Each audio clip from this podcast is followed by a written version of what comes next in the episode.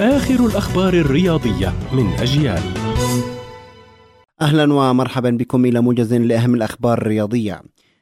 يستضيف مقر الاتحاد الأوروبي لكرة القدم في نيون السويسرية الاثنين المقبل حفل قرعة الدور ثمن النهائي لدوري أبطال أوروبا.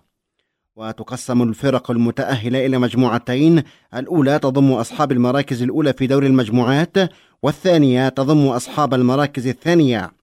وجاءت أندية نابولي وريال مدريد وبورتو وبايرن ميونخ وتوتنهام وتشيلسي ومانشستر سيتي وبنفيكا في المراكز الأولى.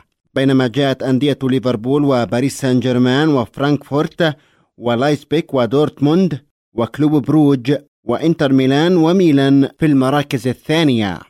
توج فريق بالميراس بلقب الدوري البرازيلي لكرة القدم للمرة الحادية عشرة في تاريخه عقب فوزه بأربعة أهداف مقابل لا شيء على فورتيليزا ضمن منافسات الجولة الخامسة والثلاثين من الدوري البرازيلي. ورفع بالميراس رصيده إلى 76 نقطة في صدارة الترتيب بفارق 12 نقطة عن أقرب ملاحقيه إنترناسيونال. تعرض الكوري الجنوبي سون نجم توتنهام الإنجليزي إلى إصابة بكسر حول عينيه ما أدى إلى حاجته إلى تدخل جراحي عاجل. وذكرت صحيفة الجارديان أن فرص تواجد نجم توتنهام مع منتخب كوريا الجنوبية في كأس العالم بات موضع شك كبير بسبب الجراحة التي خضع لها.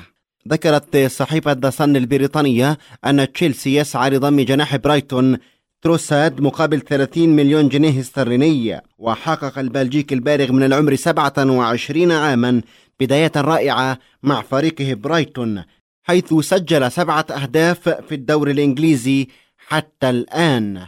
كانت هذه أبرز الأخبار الرياضية. كنت معكم محمد سمحان.